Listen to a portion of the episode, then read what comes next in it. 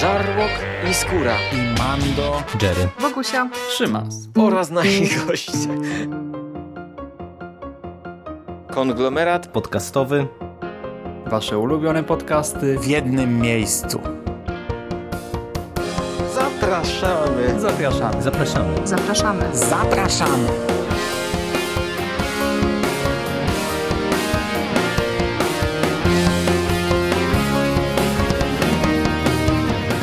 Witam w konglomeracie podcastowym, czyli na platformie, która zbiera wszystkie Wasze ulubione podcasty w jednym miejscu. Po tej stronie mikrofonu Szymon Szymaścieśliński i dziś chciałbym omówić dla Was szósty tom z serii Deadpool Classic od Egmontu. Tak, to już szósty tom. E, Tak naprawdę już siódmy ukazał się na rynku w tym miesiącu, dlatego postanowiłem szybko nadrobi- nadrobić szóstkę. I szóstka zbiera zeszyty od 34 do 45 z serii Deadpool oraz dodatkowo 23 zeszyt serii Black Panther. Tym razem hmm, no dzieje się całkiem sporo. I pewnie ciężko będzie mi to teraz jakoś zebrać w pigułce, no ale spróbujmy. Otóż Deadpool zostaje pojmany przez tajemniczą postać. Okazuje się, że zostaje wmieszany w konflikt Tora z Lokim, a przez swoją niesubordynację obłożony klątwą, w wyniku której zyska twarz Toma Cruza. Ja tutaj nie żartuję, Deadpool naprawdę zyska twarz Toma Cruza. Poza tym wynajmie nowe mieszkanie, tak zwaną Dead Lożę, wraz z Titanią i Konstriktorem, a wykonując misję niemożliwą, wiecie, Mission Impossible dla Taskmastera, spotka najstraszliwszą bandę szabrowników w 12 galaktykach i trafi do miasta potępienia, czyli do więzienia prowadzonego przez Lucyfera Rasputina. I tak jak wspomniałem, dostaniemy także Crossa z Czarną Panterą, gdyż 43, nie, 44 zeszyt Deadpoola i 23 zeszyt e, Black Panther stanowią jedną historię, w której Wade zostaje wynajęty by ukraść panterę aktualnego wodza Wakandy, czyli Killmongera, a to ściągnie na niego uwagę drużyny Avengers. I to wszystko w tym jednym tomie. Trzeba przyznać, że album przypomina się nie przypomina, no jest takim wielkim miszmaszem, jest miksem. E, przypomina, nie wiem, taki gulasz po meksykańsku, w którym jest wszystko, w sensie dosłownie wszystko. E, wyobraźcie sobie takie, nie wiem, tacos, quesadille, kwindy, burrito, fajitas, enchilady i churros pływające w chili con carne. No to właśnie tak wygląda ten album, jeżeli chodzi o treść. Dostajemy naprawdę wystrzałową mieszankę, i problem polega na tym, że można to wszystko odebrać na dwa sposoby. W ogóle pozdrawiamy Żarłok TV. Eee, Żarłok nie sponsoruje tego odcinka, po prostu Deadpool sporo gada o tym meksykańskim żarciu i to stąd te wszystkie dziwne porównania teraz. No ale nie, serio, wyobraźcie sobie, że można to interpretować jako powiedzmy meksykański, szwedzki stół, czyli dostajemy multum dobrego komiksowego papu, z którego można wybierać co lepsze kąski i rozkoszować się nimi. Eee, Dostajemy właśnie najróżniejsze specjalności szefa kuchni, ale można też e, zobaczyć w tym wszystkim e, coś innego, raczej taki gar, do którego wrzucono wszystko, co się dało, takie danie jednogarnkowe e, z resztek pozostawionych w lodówce przez, nie wiem, w lodówce akademika przez grupę studentów Erasmusów z Meksyku.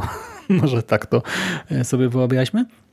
No i e, na szczęście ja się zaliczam raczej do tej pierwszej grupy. Mówię na szczęście dla mnie, bo dzięki temu e, ta lektura była w miarę lekko strawna, kontynuując ten dziwny kulinarny początek.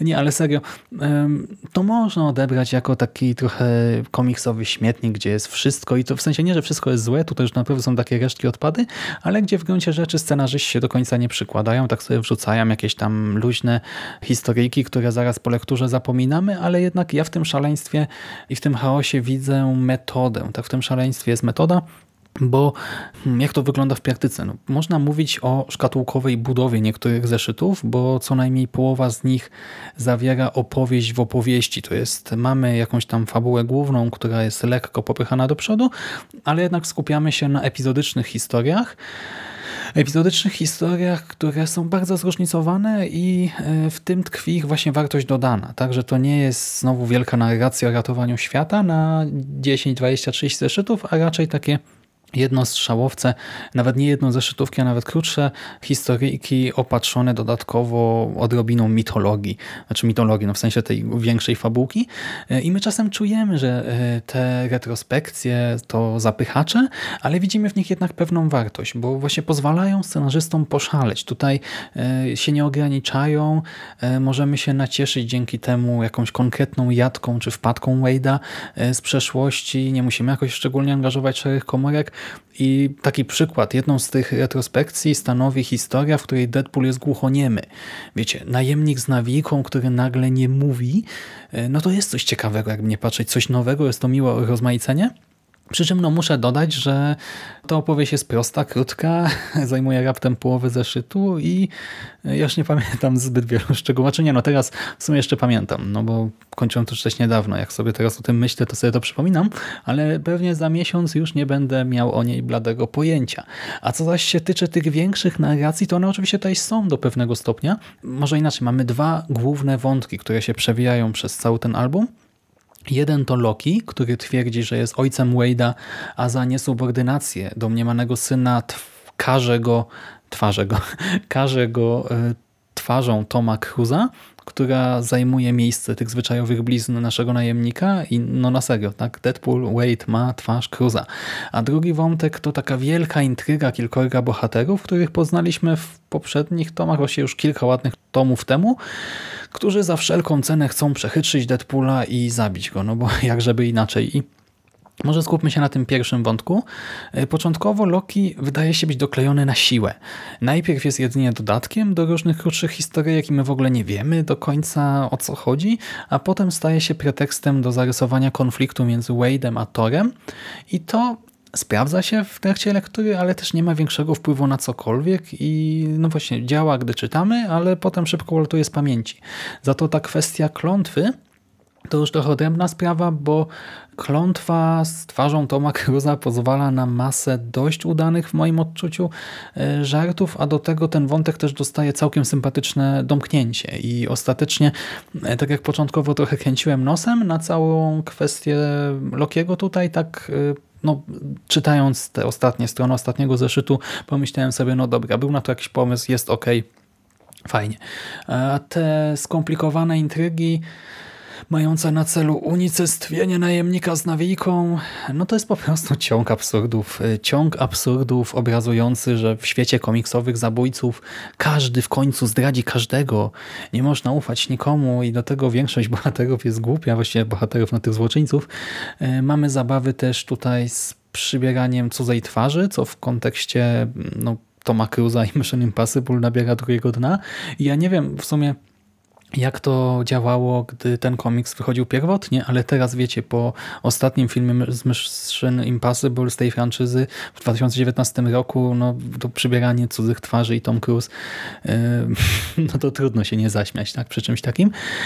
Yy, mamy też akcję rozgrywającą się w kosmosie, jakieś tam drobne żarty z Gwiezdnych Wojen, powróciły też wątki romansowe z poprzednich tomów serii, Deadpool zmierzy się tutaj z najróżniejszymi przeciwnikami, od dziwacznych kosmitów przez uczniów Taskmastera, przez Killmongera, a na Iron Manie kończąc, tak, bo nawet do czegoś takiego tutaj dochodzi, a to wszystko zakończy się pewnym przywróceniem status quo.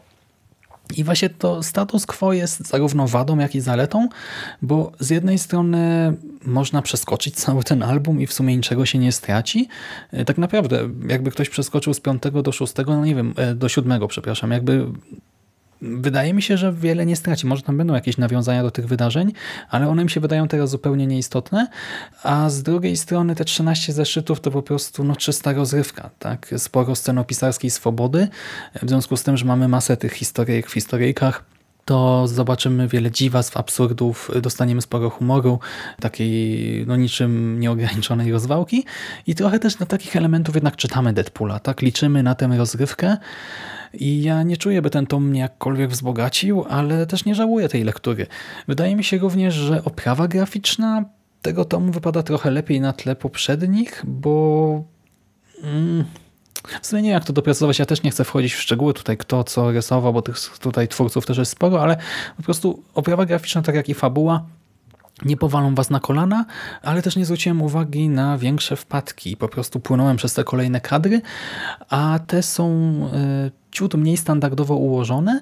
Czasem e, no, te panele są układane jakoś bardziej kreatywnie i takie urozmaicenie narracji czyni lekturę jeszcze przyjemniejszą, więc przepłynąłem sobie przez ten tom i mogę powiedzieć, że to jest po prostu trochę szalonych historyjek bez morału, bez dydaktyzmu, za to dających sporo rozrywki i fanów tu i teraz w trakcie lektury.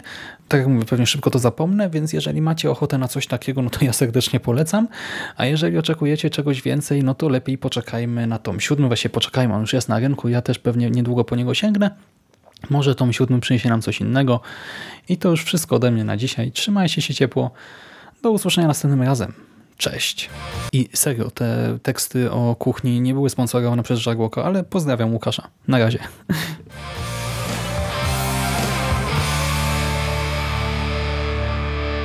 You finished? That's it, man. Game over, man. It's game over. What the fuck are we gonna do now? What are we gonna do? It's over. Nothing is over! Nothing! You just don't turn it off!